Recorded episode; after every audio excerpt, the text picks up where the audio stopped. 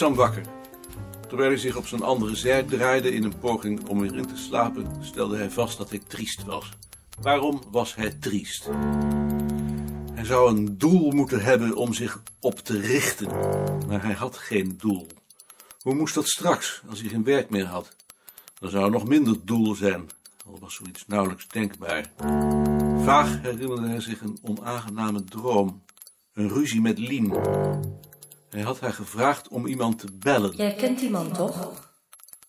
Dan kan jij dat toch beter zelf doen? Ze vond dat hij dat net zo goed zelf kon doen. Jij kent die man toch? Jij kent die man toch? Kan jij dat toch beter zelf doen? Hij had zich daar geweldig boos over gemaakt. Stel je voor dat hij alles zelf moest doen. Jij kent die man toch? Dan kan jij dat toch beter zelf doen? Hoe moest dat dan als hij straks verdwenen was? En wat bleef er dan nog voor leven voor hem over? Was hij daarom triest? Of was hij al triest geweest en had hij daarom zo gedroomd?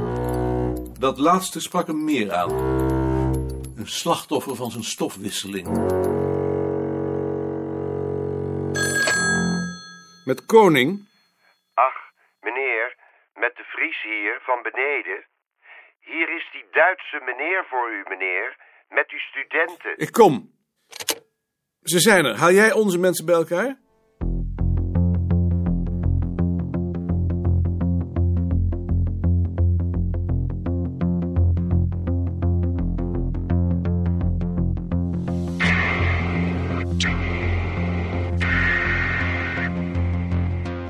Guten Morgen, Herr Bauknecht. Guten Morgen, Herr Konig. Herzlich willkommen. Wir sind doch nicht so früh. Nein, nein, nein, bitte folgen Sie mir.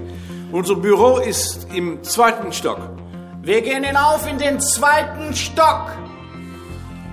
Wie lange ist das her, dass wir uns begegnet haben? Als Sie in Münster Ihren Vortrag über den Weihnachtsbaum hielten. Das ist lange her. Acht Jahre. Ihr Vortrag hat mich damals sehr beeindruckt. Danke. Sie können Ihre Kleidung hier aufhängen, aber bitte nehmen Sie alles vom Wert mit, denn sogar Amsterdam ist nicht mehr, wie es früher war. Ist das wirklich so schlimm? Seit einigen Jahren wird im Institut dann und wann Geld gestohlen, wahrscheinlich von einem der Mitarbeiter. Ein Kollege, das ist doch schrecklich. Das ist schrecklich, ja. Ich weiß, dass es sich heutzutage kaum schickt, aber so einen möchte ich gern verprügeln.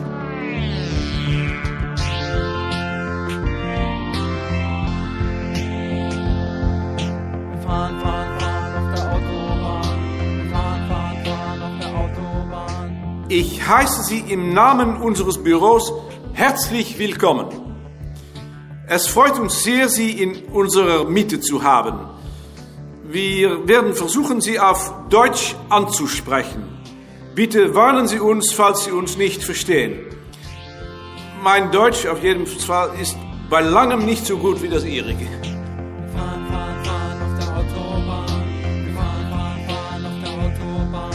Falls Herr Bauknecht damit einverstanden ist, schlage ich für heute Morgen folgendes Programm vor. Zuerst werden Herr Müller, steek je hand eens op, Ad, Frau de Nooier, äh, Herr Wichelaar, Herr Elshout und ich selbst kurz etwas erzählen über unsere Untersuchungen. Anschließend dürfen Sie Fragen stellen und schließlich werden meine Mitarbeiter Ihnen in Gruppen das Zettelsystem, die Archive und eine kleine Ausstellung unserer Probekarten und Publikationen zeigen.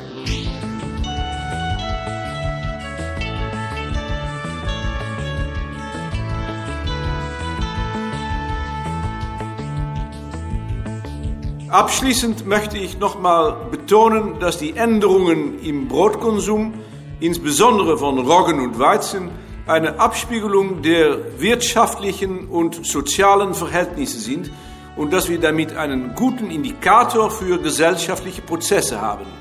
Denn mit Ihrem Lehrmeister Güntermann bin ich der Meinung, dass nicht die Geschichte der Kulturerscheinungen an sich unser Interesse verdient, sondern dass unsere Aufgabe in erster und letzter Instanz das Aufdecken von kulturellen, wirtschaftlichen und sozialen Verflechtungen ist.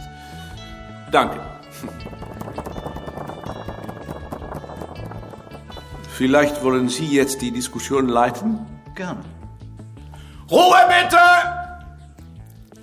Herr Dr. Koning hat mich gebeten, die Diskussion zu leiten. Bitte sagen Sie, falls Sie etwas fragen wollen, zuerst an wen Sie die Frage richten und formulieren Sie kurz und sachlich. Wer?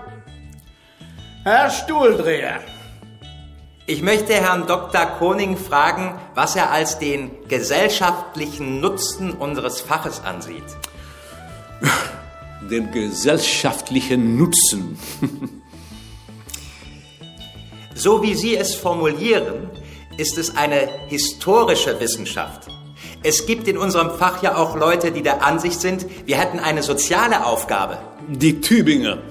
Und auch in der DDR. Weil Traditionen den Fortschritt hemmen und die sozialen Unterschiede fortdauern lassen. Naja, ich meine nur so, wäre es da nicht unsere Aufgabe, das aufzudecken? Bitte, Herr Stuhldreher.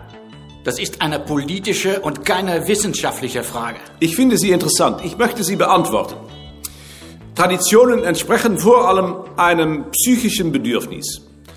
Falls ich etwas aufdecken muss, möchte ich das aufdecken, insoweit sie falsch sind und weil mich das irritiert, nicht aus irgendeinem sozialen Kümmernis. Ich glaube auch nicht, dass unsere Arbeit einen Sinn hat. Sie ist sinnlos. Gesellschaftlich gesehen gehören wir zum Reservoir des überflüssigen Intellekts, das aus der Gesellschaft ausrangiert ist und mit irgendeiner sinnlosen Arbeit von der Straße gehalten wird. Aber damit lassen Sie soziales Unrecht fortdauern. Soziales Unrecht ist nicht, dass ärmere Leute sich noch in der Küche waschen, weil wir ihre alten Häuser schön finden, sondern dass wir im Westen mit unserem Lebensstil die dritte Welt plündern. Falls Sie einen Weg sehen, um das zu ändern, mache ich mit. Als iemand noch Kaffee will, es gibt neuen Kaffee. Falls die Frage damit beantwortet ist, möchte ich auch noch etwas sagen. Ich bin völlig mit Herrn Dr. Koning einverstanden, dass unsere Aufgabe nicht politischer Art sei. Dennoch teile ich nicht seine Skepsis hinsichtlich des gesellschaftlichen Nutzens. Meiner Meinung nach ist es von großer Bedeutung für jede Gesellschaft, dass die Wurzeln ihrer Nationalexistenz aufgedeckt werden und grundsätzlich gehören wir doch alle demselben Volke an. Ich meine das jetzt natürlich nicht politisch so wie es im römischen Reich zum ersten Mal seine Form gefunden hat. Und dann noch eines. Heute Nachmittag haben Sie frei, um sich Amsterdam anzusehen. Pünktlich sieben sehen wir einander wieder im Hotel zum Abendessen.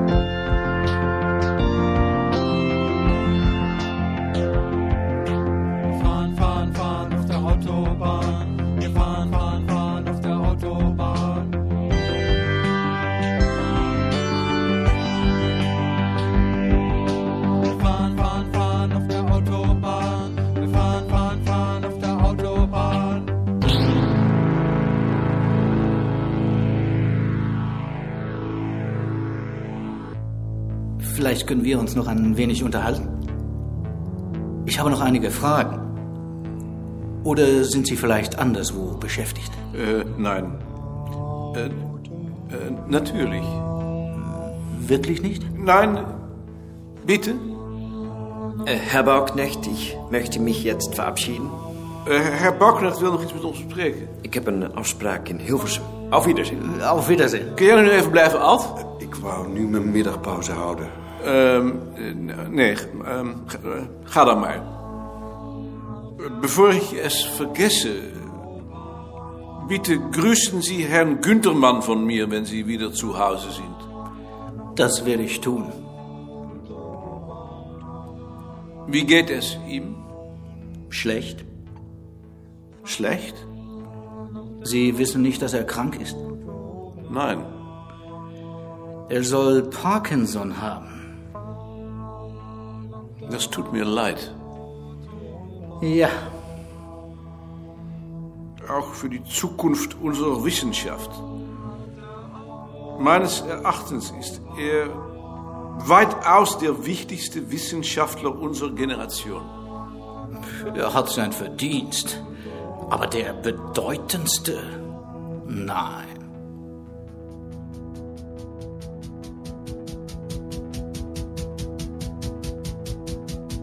Was mich in Ihren Arbeiten und in denen Ihrer Mitarbeiter, so wie Sie das gerade wieder einmal gezeigt haben, besonders beeindruckt, ist die Kombination von Feldarbeiten und Archivforschung. Für Feldarbeiten hatte Herr Günthermann absolut kein Interesse und Archivforschung hat er nie selbst gemacht. Das macht die Zusammenarbeit mit ihm recht unbequem.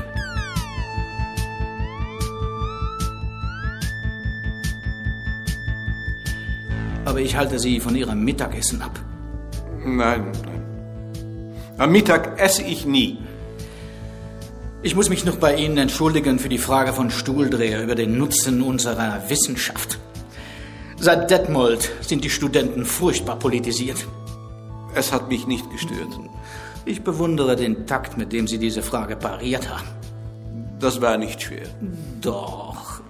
Wenn man studiert, stellt man solche Fragen. Falls sie nicht dazu dienen, die Arbeit zu vernachlässigen. Schließlich wird nur noch diskutiert, statt zu arbeiten. Und Herr Günthermann stimuliert das. Man kann von Günthermann doch nicht sagen, dass er politisiert. Im Gegenteil. Nicht politisiert, sondern theoretisiert. In Ihrer Besprechung von seinem Handbuch haben Sie das sehr treffend formuliert. Sie haben Ihren Lesern, zumindest mir, damit ein großes Vergnügen gemacht. Entschuldigung, Sie essen tatsächlich nicht zum Mittag? Nein, nein, nein. Bitte sagen Sie es mir, wenn ich gehen soll. Ja, natürlich. Aber Günthermann hat doch auch viele Daten gesammelt.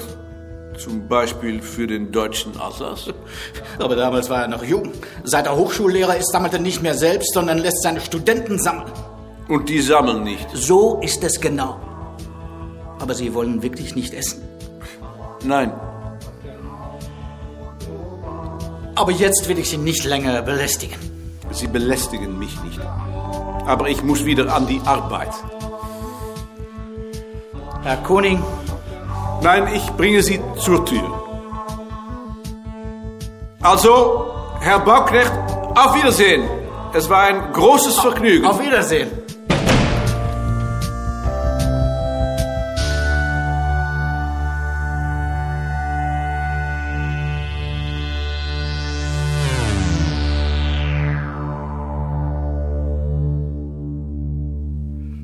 Is hij weg? Hij is weg. Had je eigenlijk niet met die man moeten gaan eten? Alleen. Waarom niet? Als we met z'n tweeën waren geweest. Bedoel je dat ik mee had gemoeten? Jij hebt Duits gestudeerd. Ik niet. Maar ik mag toch zeker wel mijn middagpauze nemen? Ik moest naar de verjaardag van mijn tante. Gefeliciteerd.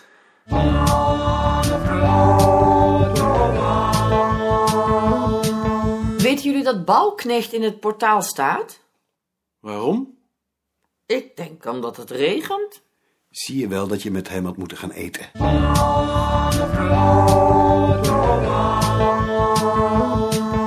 Je begrijpt wel dat ik het helemaal niet met je eens was dat de wetenschap geen zin heeft. Dan heeft ze zin.